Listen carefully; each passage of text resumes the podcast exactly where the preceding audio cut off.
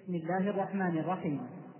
يسر مؤسسة ابن الجوزي للإنتاج الإعلامي والتوزيع. أن تقدم لكم هذه المادة. لفضيلة الشيخ محمد المنجد. الحمد لله رب العالمين وصلى الله وسلم وبارك على نبينا محمد وعلى آله وصحبه أجمعين. وبعد. فعنوان محاضرة هذه الليلة عن موضوع عصري له خطورته الكبيرة الإنترنت بين الدعوة والمقال في بداية أيام سبتمبر عام 1969 تمكن جهازا حاسب آلي بينه وبضعة أمتار في كاليفورنيا من تبادل المعلومات عن طريق الهاتف ليدشن ذلك ولادة هذه الشبكة شبكة النسيج العنكبوت. وكانت قد نشأت كفكرة في مختبرات وزارة الدفاع الأمريكية في جزء من برنامج حرب النجوم. الذي يرمي إلى بناء شبكة لا يوجد لها مركز تصلح للاستخدامات العسكرية. وقد قفز عدد الذين قد ارتبطوا بهذه الشبكة وتطور أمرها تطورا سريعا حتى بلغ عددهم 180 مليون مستخدم مرتبطين عن طريق نحو 30 مليون جهاز حاسب آلي في العالم. فيما اعتبره بعض الناس أهم اختراع في القرن العشرين. قال الله تعالى والله خلقكم وما تعملون. وقال عز وجل وعلم الإنسان ما لم يعلم. والله سبحانه وتعالى قد قد جعل الإنسان في هذه الأرض يعمرها بطاعته وأعطاه من الإمكانات العظيمة في عقله وخلق له في الأرض أمورا ليستثمرها. فمن استثمرها في طاعة الله فطوبى له ومن استثمرها في معصية الله فويل له. إن العجب لا ينقضي أيها الإخوة إذا قارنا واقع هذه الشبكة في حديث النبي صلى الله عليه وسلم رواه أبو هريرة. قال عليه الصلاة والسلام, والسلام لا تقوم الساعة حتى تظهر الفتن ويكثر الكذب وتتقارب الأسواق ويتقارب الزمان. وفي رواية واقترب الزمن ويكثر الهرج قيل وما الهرج قال القتل. رواه الإمام أحمد رحمه الله وقال الهيثمي رجاله رجال الصحيح غير سعيد بن سمعان وهو ثقة. وقد فسر الأئمة الماضون رحمهم الله تقارب الزمان الوارد في الحديث بقلة البركة في الوقت وسرعة انقضائه كما جاء ذلك في كلام الخطاب من الخطابي والنووي بن حجر وغيره.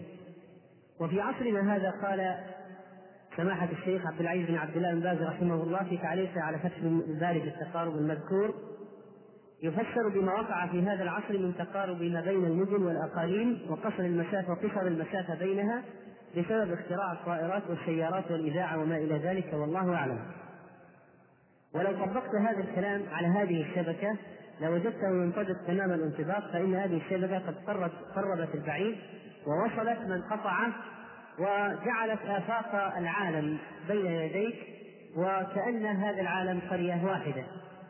وأما تقارب الأسواق الوارد في الحديث فقد قال الشيخ العالم محمود بن عبد الله السويدي رحمه الله تعالى في كتاب إسحاق الجماعة بما جاء في الفتن والملاحم وأشراط الساعة وأما تقارب الأسواق فالظاهر والله أعلم أن ذلك إشارة إلى ما وقع في زماننا من تقارب أهل الأرض بسبب المراكب الجوية والأرضية والآلات الكهربائية التي تنقل الأصوات كالاذاعات والتليفونات الهوائية التي صارت أسواق الأرض متقاربة بسببها فلا يكون تغيير الأسعار في قطر من الأقطار إلا ويعلم به التجار أو غالبهم في جميع أرجاء الأرض فيزيدون في السعر ان زاد وينقص وينقصون ان نقص وهكذا فتقاربت الأسواق اذا من ثلاثة أوجه.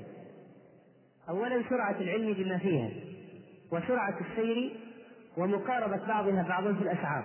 ومن عرف هذه الشبكة وما فيها من تقريب الأسواق في هذا الزمان لا يجد مثالا أكبر على انطباق الحديث في الواقع في مسألة تقارب الأسواق أكثر مما حدث في شبكة الإنترنت. إن موقعا مثل موقع eBay dot com على سبيل المثال يحوي ثلاثة ملايين سلعه وفيه مزاج عالمي على مختلف هذه السلع ويستطيع الإنسان أن يشتري من كثير من هذه المواقع المبثوثة على الشبكة ما شاء من السلع المختلفة بل ويعرض ما لديه.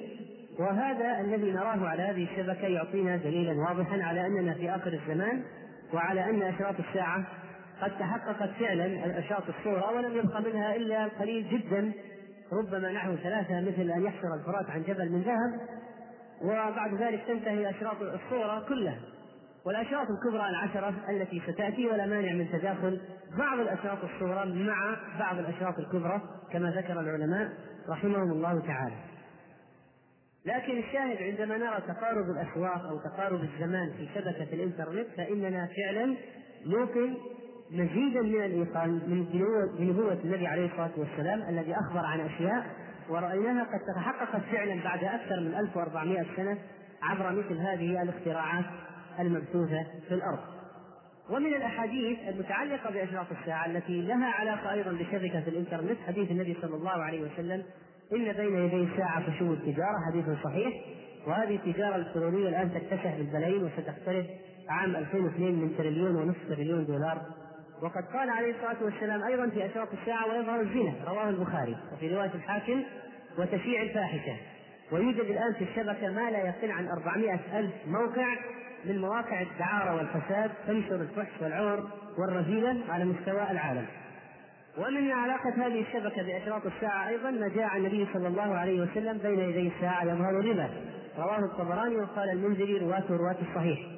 وتجري على هذه الشبكة معاملات ربوية كثيرة جدا ومعظم البنوك العالمية قد صار لها مواقع على هذه الشبكة وستزداد وتنتشر لأن إحصاءاتهم لأن إحصاءاتهم ودراساتهم وحساباتهم قد أفادت بأن كلفة إجراء عملية واحدة من العمليات البنكية للعميل وجها لوجه يكلف البنك 1.07 دولار.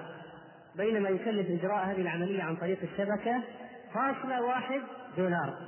الفارق كبير جدا ومعنى ذلك أنه بمرور الزمن من المتوقع أن تختفي البنوك بمعناها المعهود الآن من جهة تعامل الناس وربما تصبح مباني ضخمة فيها أجهزة ضخمة وأناس يشغلون هذه الأجهزة. أما عمليات السحب والإيداع والشراء والبيع والتحويل وغير ذلك من العمليات المصرفية فستتم عن طريق الشبكات من خلال أجهزة الناس في بيوتهم ومكاتبهم وشركاتهم ولا يحتاج أن يذهبوا إلى البنوك. وإذا كان الربا هو الذي أسست عليه هذه المصارف فإن إشاعته عن طريق الشبكة واضح جدا.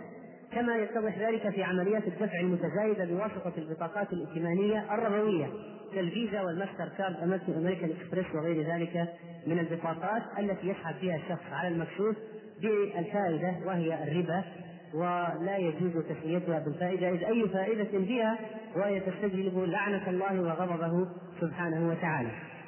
ومما يرتبط أيضا بهذه الشبكة من أشراط الساعة حديث النبي صلى الله عليه وسلم ويكثر الكذب وهذا الحديث الصحيح الذي رواه ابن حبان وأخبر عليه الصلاة والسلام أيضا عن أناس يعذبون في قبورهم ويشرشر شدق أحدهم إلى قفاه ومنخر إلى قفاه يمينا وشمالا وهو الرجل الذي يكذب الكذبه فتبلغ الآفاق. والآن ممكن أن يكذب الشخص على هذه الشبكة كذبة تبلغ المشرق والمغرب. لقد انتشر انتشرت هذه الشبكة انتشارا عظيما واخر من آخر الإحصائيات تقول إن عدد المشتركين على هذه الشبكة قد بلغ 211 مليون. شخص وهذا أكثر من الإحصائية التي ذكرناها قبل قليل والتي قد نقلت في وقت سابق. ومعنى ذلك أردت بهذا أن أبين أن الانضمام إلى هذه الشبكة يتقدم تقدما سريعا جدا وأن إقبال الناس عليها ينمو بنمو مضطرد للغاية 77% من الناس في أمريكا يقولون من مستخدمي هذه الشبكة ان أفادتهم في حياتهم، 44% يقولون إنهم لا يستطيعون العيش بدونها، 87% يستخدمون الاتصال بأقاربهم وأصدقائهم، وهذه الشبكة آخذة في الانتشار وقد دخلت في البلاد الإسلامية والعربية. هناك معوقان أساسيان يعوقان استخدام هذه الشبكة بالنسبة للبلاد العربية. ضعف المعلومات الفنية لدى أفراد الناس وكذلك ضعف الإلمام أو عدم الإلمام باللغة الإنجليزية. هذه الشبكة أيها الإخوة في الحقيقة لها منافع كثيرة جدا. ولا أريد أن أشوق إليها ولا أدعو إليها بل إنني أريد أن أبين الأخطار بالإضافة للفوائد وبدأت بالفوائد بسبب. هذه الفوائد كثيرة كما قلنا منها الشراء السهل استعراض السلع طلب السلع بسهولة كالكتب وغيرها بالنسبة للباحثين والجامعين أصحاب الرسائل وغيرهم. التجارة عن طريق هذه الشبكة انخفاض أسعار المكالمات بينما تبلغ مثلا تسعيرة المكالمة في الدقيقة. إلى أمريكا تسعة ريالات في الدقيقة. في الساعة عن طريق الشبكة تتصل بتسعة ريالات. في أمريكا. وكذلك سهولة الاتصال بمراتب الابحاث العالمية. إرسال البريد بسرعة هائلة بدل من يأخذ خطاب بريدي اسبوعا أو أسبوعين إنه يأخذ الآن ثواني. مراقبة المحلات والبيوت من بعد كبير حتى المدارس. سماع راديو والإذاعات عن طريق هذه الشبكات مشاهدة البرامج الاستشارات الطبية النقاشات التي تتم في قنوات الحوار. وكذلك فإن هذه الشبكة بالإضافة لاستخداماتها الدنيوية يوجد لها استخدامات دينية كثيرة جدا. فماذا بالنسبة للاستخدامات النافعة لهذه الشبكة في مجال الدعوة إلى الله سبحانه وتعالى ونشر هذا الدين ونشر العلم الشرعي؟ وكيف نستفيد من هذه الشبكة في هذا المجال؟ لقد تبين لي من خلال البحث في هذه الشبكة أيها الأخوة أن حضورنا الإسلامي على هذه الشبكة ضئيل جدا جدا. وهذا أمر محزن بالنسبة لخير أمة وفدت للناس. وتخلفنا العام على هذا الصعيد العالمي ولا أقصد الأفراد الذين همهم الفرجة وإنما وجه الكلام إلى الدعاة إلى الله سبحانه وتعالى ومن يستطيع أن يقدم شيئا بهذا الدين لأهل العلم وطلبته والناس الذين هم في بمعزل أو في بعد عن الفتن. الكلام موجه إلى هؤلاء في هذا المجال. إن الأحداث المتوالية عند الغربيين والشرقيين تثبت بما لا يدع مجالا للشك أن هناك فراغا في القيادة في العالم وأن هناك افتقارا لمنهج يحقق العدل في الأرض. إن العالم مليء بالظلم والاعتدادات الاعتداءات وشريعة الغاب والقرصنة ومليء كذلك بأمور كثيرة من الفساد والشحناء والبغضاء وشريعة الغاب التي يأكل فيها القوي الضعيف إنه عالم يعيش بلا ضوابط. إنهم أناس يسقطون تحت الانهيارات العصبية والجنون والانتحار وغير ذلك من الأشياء التي تثبت أن هناك فراغا كبيرا يعيشه الناس في العالم وأنه لا عدل إلا بشريعة الإسلام ولا يملأ هذا الفراغ إلا هذا الدين الذي أنزله الله سبحانه وتعالى ولن يستقيم أمر العالم إلا إذا سطعت عليه شمس النبوة. وإذا كان هذا الدين رحمة للعالمين وكان الإسلام دينا عالميا ونازلا من الله سبحانه وتعالى دينا ربانيا لا يقبل الله غيره من أهل الأرض جميعا من عربهم وعجمهم. كما قال عز وجل ومن يبتغي غير الإسلام دينا فلن يقبل منه. اذا فلا بد إذا أقررنا بعالمية هذا الدين وأنه يجب تبليغه للعالم كافة لا بد أن نستعمل جميع الوسائل التي تؤدي إلى تحقيق عالمية الدين. ونشره في الأرض. ولذلك قال بعض أهل العلم عن هذه الشبكة انها وسيلة عظيمة لإقامة حجة الله على خلقه. لا يمكن ابدا أن نكون نحن الأعلى في المنهج إذا لم نكن أيضا نستخدم الوسائل التي تؤدي إلى علوه في الواقع وإلا صارت تلك هزيمة وقعود عن نصرة هذا الدين. ونحن مطالبون بإقامة حجة الله على خلقه والله عز وجل قال لتكونوا شهداء على الناس ولا بد أن نشعر بأن علينا واجبا في إيصال دين الله تعالى لأهل الأرض كافة ما استطعنا. أيها الإخوة إن مسألة نشر الدعوة عن طريق هذه الشبكة لا مفر منه ولا يمكن القعود عنه بعدما وجدت وقامت في العالم.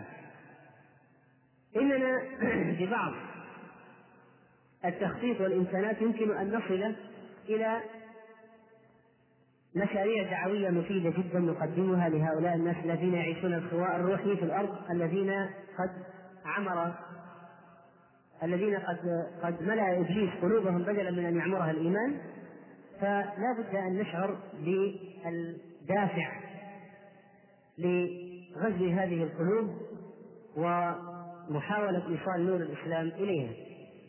أما بالنسبة للعلوم الشرعية فإننا نحتاج إلى إمكانات ضخمة وخطط وجهات تتبنى مشاريع كبيرة لعمل قواعد بيانات واسعة في سائر العلوم الشرعية من التفسير والحديث والفقه والعقيدة وغيرها. هذا أولا. ثانيا نحتاج إلى محركات بحث عربية متقدمة ومتطورة لأن الشبكة تفتقر إلى هذا. والقليل الموجود ليس شائعا ولا يفي بالغرض. ثالثا يمكن أن تخدم العلوم الشرعية بإيجاد قواعد البيانات التي يبحث فيها الشخص عما يشاء من الآيات والأحاديث والنصوص وكلام العلماء بشكل متيسر. ثم يربط الناس بدروس أهل العلم على هذه الشبكة. هذه الشبكة يمكن أن يبث من خلالها دروس العلماء سواء كانت في القصيم أو الرياض أو الحجاز أو الشمال أو الجنوب أو مصر والشام واليمن وغير ذلك. وأن توجد هناك قنوات خاصة بالدروس العلمية على هذه الشبكة. وعندما يلقي الشيخ درسه في المسجد يبث عن طريق الشبكة آنيا وفي نفس وفي الوقت نفسه إلى أنحاء العالم. وإذا كان هناك أناس منا قد بلغوا أجرا عظيما في ثني الركب في حلق العلم وعند المشايخ وأهل العلم وهناك أناس آخرون في العالم محرومون من هذه النعمة بسبب عدم وجود علماء لديهم عدم وجود من يقيم الدروس العلمية لديهم فإنهم يمكن أن يسلكوا سبيلا يلتمسون فيه علما عن طريق قنوات الدروس العلمية الموجودة على هذه الشبكة إذا وجدت فإن من سلك سبيلا يلتمس به علما سهل الله له به طريقا إلى الجنة. فهناك إمكانية إذا أيضا خامسا لجعل فتاوى أهل العلم تصل إلى الناس عن طريق الاستفتاءات التي تحدث في بترتيب معين في ساعات معينة لأهل العلم عبر قنوات الإفتاء التي يمكن أن تكون مبثوثة عن طريق هذه الشبكة سواء كان في الفتوى كما يقولون على الهواء أي فورية أو كانت الفتوى تدرس ويوصل الجواب للسائل. وسادسا يمكن للجامعات الإسلامية المختصة بالعلوم الشرعية أن ترتبط بهذه الشبكة وأن تدرس العلوم الشرعية للطلاب في أنحاء العالم عبر شبكة الإنترنت. نسيج العنكبوت وأن تفتح المجال للدراسة للراغبين في الخارج يسجلون المواد. ولو كان بالأجرة وتغطى تكاليف هذه المشاريع وتشغل الجامعة من يوجد لديها من المحاضرين والمعيدين والأساتذة بل إن دروس العلم المبثوثة في قاعات الجامعات يمكن أن تكون أيضا متصلة بهذه الشبكة بحيث تصل إلى الناس في الخارج. ولو قيل إن هناك تزييفات تحدث في الاختبارات فإنه يمكن عمل أماكن لاختبار الطلاب في السفارات الموجودة في الخارج بمواعيد معينة وإثباتات تثبت أن هذا هو الطالب الذي كان يدرس عن طريق الشبكة. وهذه القضية قد درست وبحثت بالنسبة للجامعات الدنيوية الموجودة في أوروبا وأمريكا وغيرها فنحن ينبغي أن نلحق بالركب أيضا لأننا ننشر شيئا أهم مما ينشرونه بكثير. وإذا كانوا ينشرون علما دنيويا فإننا نريد أن ننشر علما دينيا وأخرويا يصلح الناس في معاشهم ومعادهم. وقد قال النبي عليه الصلاة والسلام اللهم أصلح لنا ديننا الذي هو عصمة أمرنا وأصلح لنا دنيانا التي فيها معاشنا وأصلح لنا آخرتنا التي إليها معادنا. فينبغي أن ينشر عنها في هذه الشبكة ما يصلح الناس في أمور دينهم في معاشهم في أمور دنياهم في معاشهم وفي أمور دينهم وفي أمور أخراهم. وهذا هدف كبير جدا.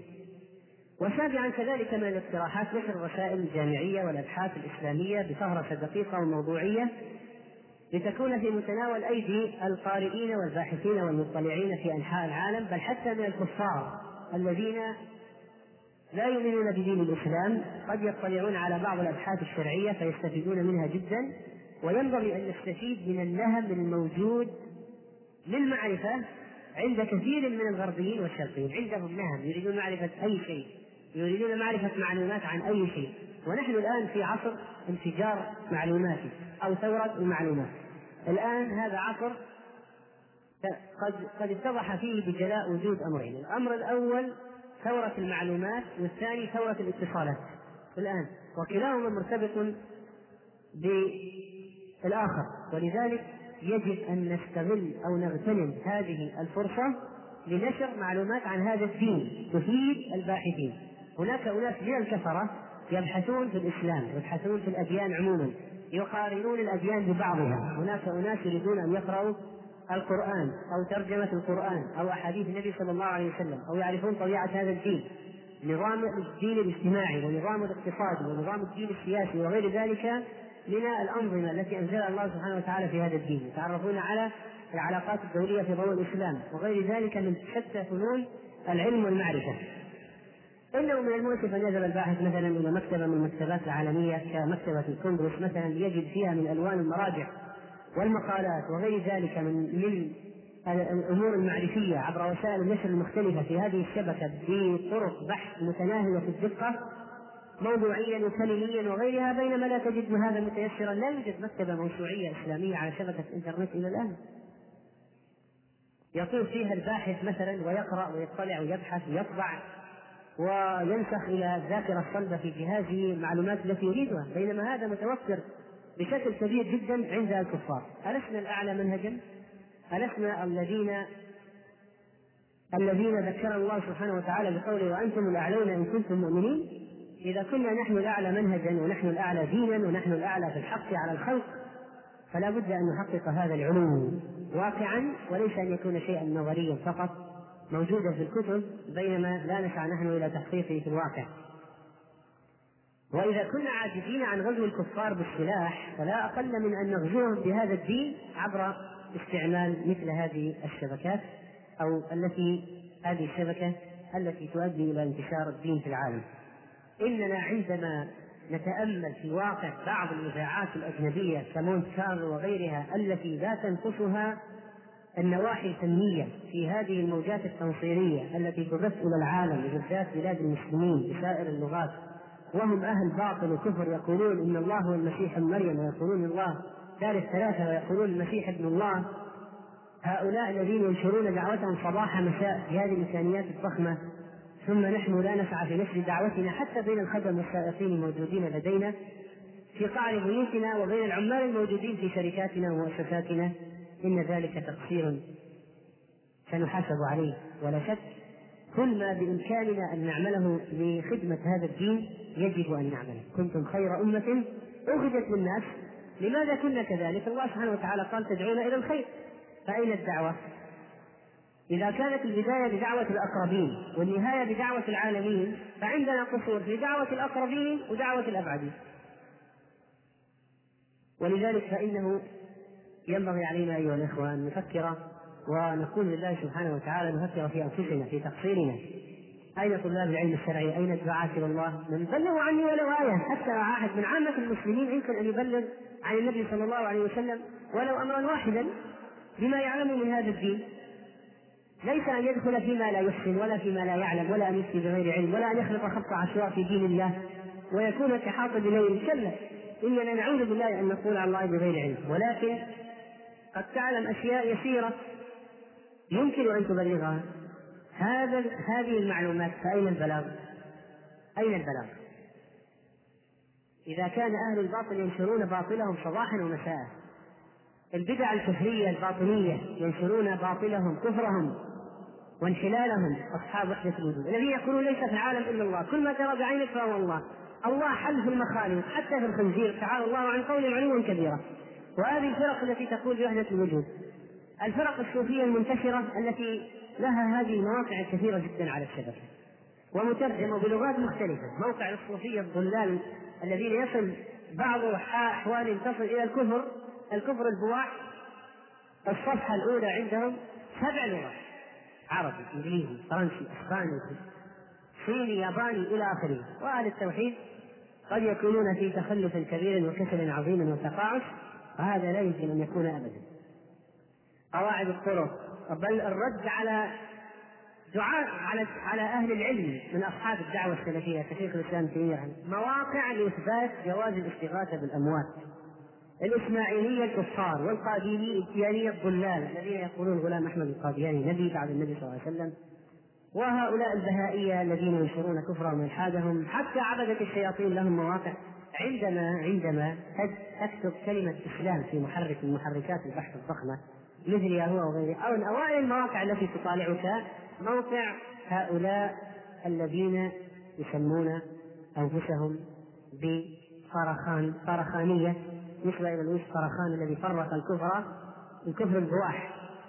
موجودة أوائل ما تطالعك المواقع الإسلامية. شوهوا حتى صوره الإسلام النقي في عيون الكفار.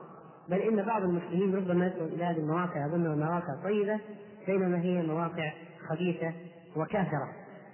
وهناك مواقع تدعو إلى الانتحار هناك مواقع تدعو إلى الفاحشة كما قلنا. وإذا كان الدين يسيرا ولقد يسرنا القرآن للذكر فهل من مدكر وأن هذا القرآن فيه أشياء كثيرة جدا. تشوق الناس وتجذبهم إلى الدين. فلماذا لا يعرض الإسلام النقي؟ أهل السنة والجماعة يعرضون ما عندهم من الدين على طريقة السلف فهم السلف للكتاب والسنة. يعرض الدين على الناس في العالم. بدلا من أن يأتي هؤلاء العقلانيين الضلال الذين يسمون أنفسهم بأصحاب الفكر المستنير ويلوون أعناق النصوص لتطاوع مرادهم الانهزامي أمام الكفار أو أنهم ينفون بعض النصوص الثابتة في صحيح البخاري وغيره. هؤلاء الذين يقولون إن هناك أخوة بيننا وبين النصارى هؤلاء الذين يقولون بجواز إهداء الكفار في أعيادهم وجواز تهنئتهم فيها هؤلاء الذين يقولون إن يقولون بالفتاوى الشاذة مجاراة للكفرة. وإرضاء للكفرة وتحت ضغوط الكفرة. وأن المرأة يمكن أن تلي الولايات العامة كالخلافة والوزارة والقضاء ويردون أحاديث في صحيح البخاري لن يفلح قوم ولوا أمرهم امرأة. وينعقون بهذه العقلانيات والقاذورات والترهات في مواقع يفتي فيها مفتوه بالضلال كما يفتي المفتون الضلال في القنوات الفضائية. انحرافات وظلمات بعضها فوق بعض. أين جهاد الكلمة؟ أين الجهاد بالكلمة؟ ننشر دينا صحيحا وننشر عقيدة سليمة ومنهجا نقيا وعلما سلفيا ننشره بدلا من أن ينشر هؤلاء الضلال ضلالاتهم باسم الإسلام ويسوي هذا الدين ونقاء هذا الدين وصفاء هذا المنهج ثم يجمعون الملايين لأجل مثل هذه القاذورات أيها الإخوة إن الجهاد له أنواع كثيرة ينبغي على المسلمين أن يقوموا بها.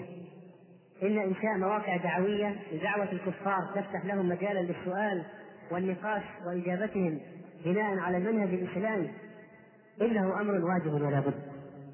بل حتى دعوة المسلمين الذين ضاعوا في الخارج واسترداد رأس المال المفقود الذي خرج من بلادنا وذهب إلى بلاد الكفار من أبناء المسلمين الذين قد استقروا هناك وأخذوا جنسيات تلك الدول ثم انحلوا وأولادهم انحلوا في مجتمعات الكفر وانسلخوا من الدين.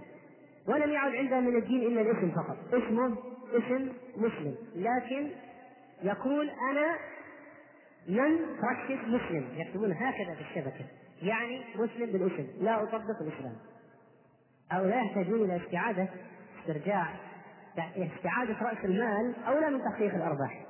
ونحن يجب أن نسير على الخطين. استعادة رأس المال وتحقيق الأرباح. ثم تعليم المسلمين الموجودين في العالم. وإن التجارب تثبت أن هذه الأشياء ناجحة. لقد جاء نتيجة بعض هذه التجارب ردود أفعال حميدة من عدد من الكفار. قال واحد منهم لقد اطلعت على هذا الموقع وبدأت أحب هذا الدين. أرجو أن ترسلوا لي المزيد هذه عبارات تكررت مرارا وتكرارا لأنهم يحسون بالخواء يحسون بالفراغ. يريدون شيئا يملأ الفراغ الذي عندهم ويحسون أن هذا هو الحق. ويفهمونه تدريجيا وينجذبون إليه. ودين الله دين الفطرة. دين الله إذا خطبت به النفوس انجذبت إليه قبلته لأنه دين الفطرة. تقول أنا منذ مدة مهتمة بالإسلام. توصلت الآن إلى مرحلة تأكدت فيها أن هذا هو دين الحق. امرأة نصرانية تقول إنني أقرأ ترجمة معاني القرآن بلغتي. وأنني قرأت عن الإسلام وعندي سؤال. إن المرأة إذا كانت في الدورة الشهرية لا يجوز لها أن تمس المصحف. هذه امرأة كافرة تقول. لقد قرأت أن المرأة في الدورة الشهرية لا يجوز لها أن تمس المصحف. من فضلك اقلب الشريط.